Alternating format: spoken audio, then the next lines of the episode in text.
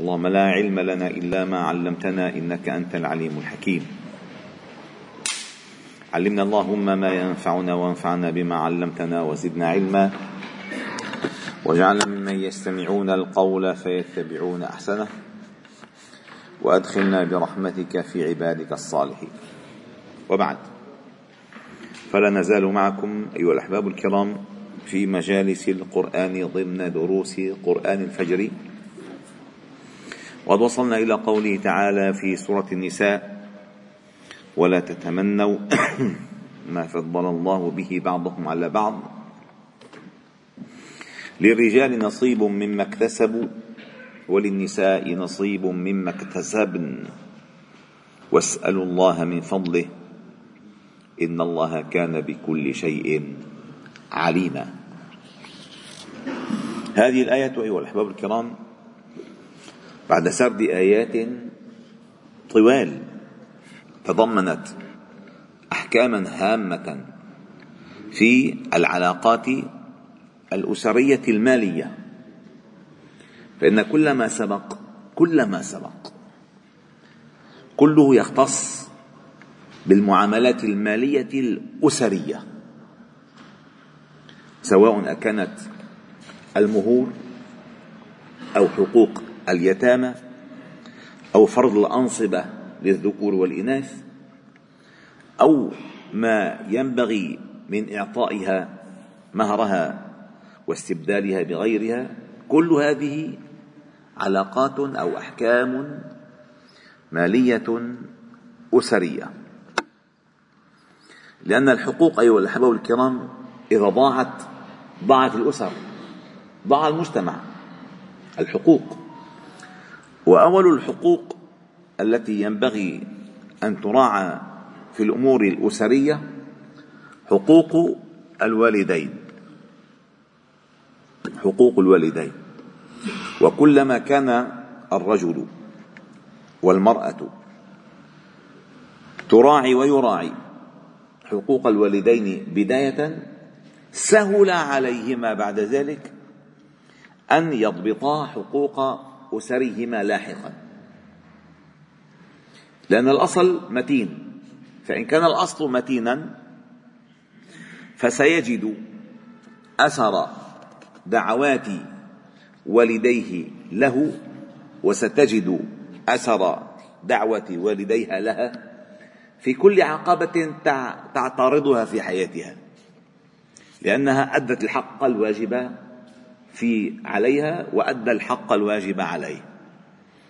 فلذلك هذه الأمور مرتبطة ببعضها البعض. بعدما آه، ذكر الله تعالى كل ذلك توجه الخطاب إلى أمر ينبغي أن يراعى داخليا وليس في المعاملات داخليا وهو حركة القلب نحو الآخرين. حركة القلب نحو الآخرين. فقال تعالى ولا تتمنوا ما فضل الله به بعضكم على بعض. فلا ينبغي للإنسان أن يمد عينيه إلى ما آتاه الله تعالى لغيره بل أن يرضى بما قسم الله تعالى له في كل شيء. عينك زرقاء عينك خضراء عينك شهلة عينك سوداء عينك صغيرة عينك كبيرة. طولك رفعك نصعك مالك جمالك كل هذه المسائل.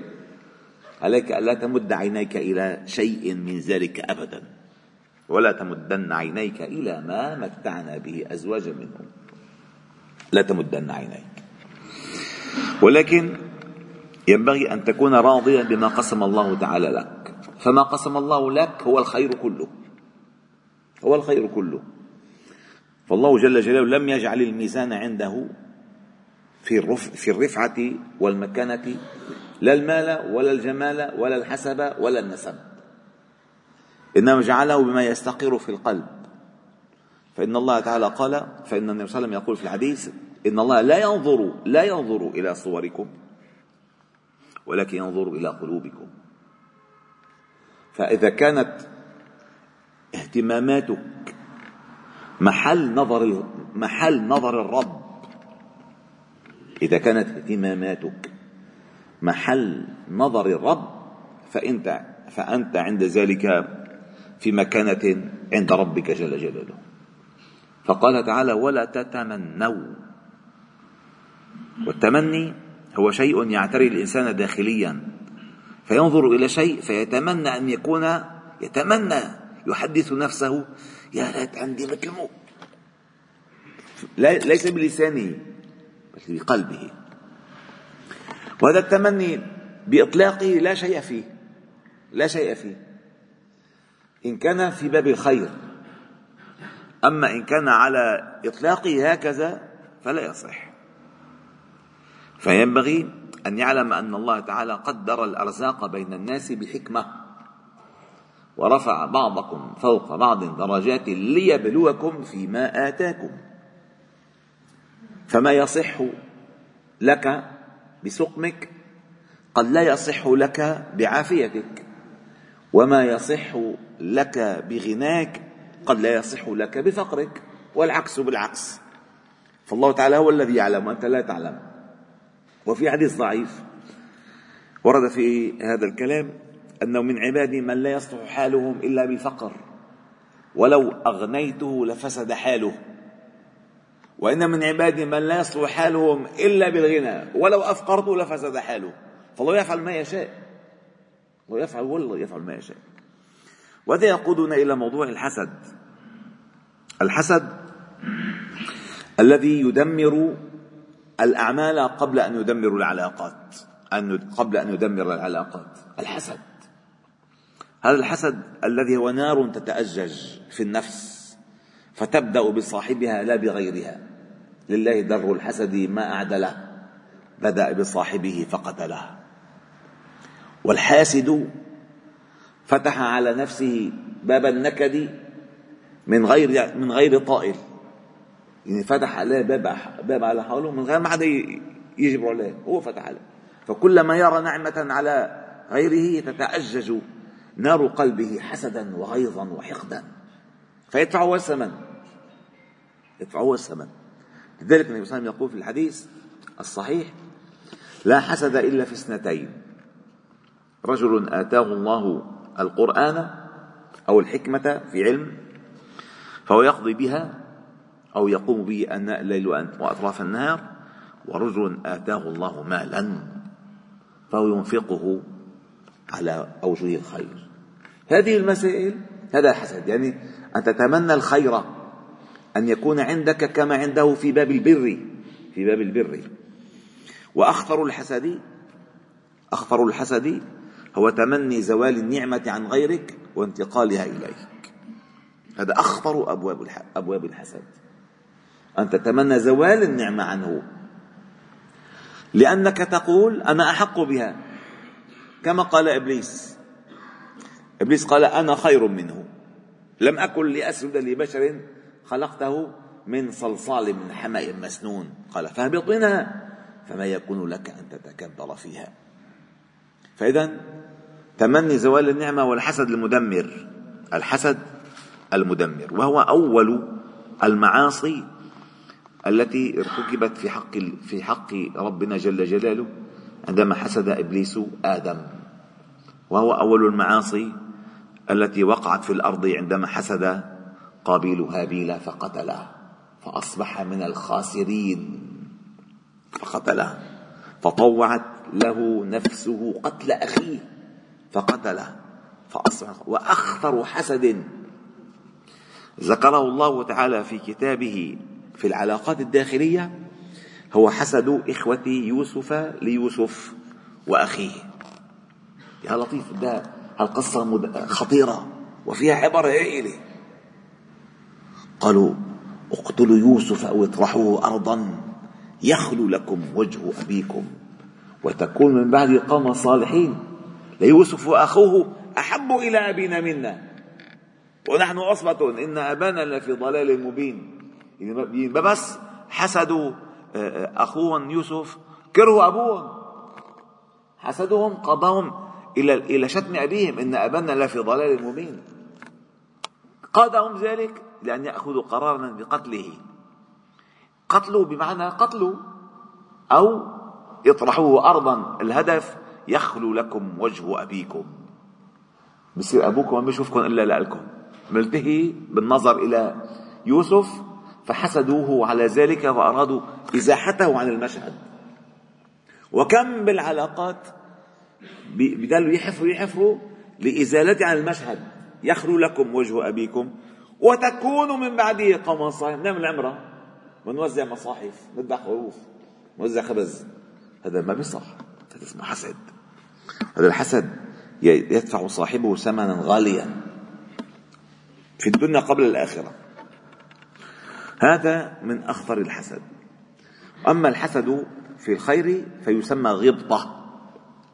أن تغبطه على ما آتاه الله فتتمنى أن تفعل فعله إن كان عندك مثل ما عنده ما عنده. هذه غبطة.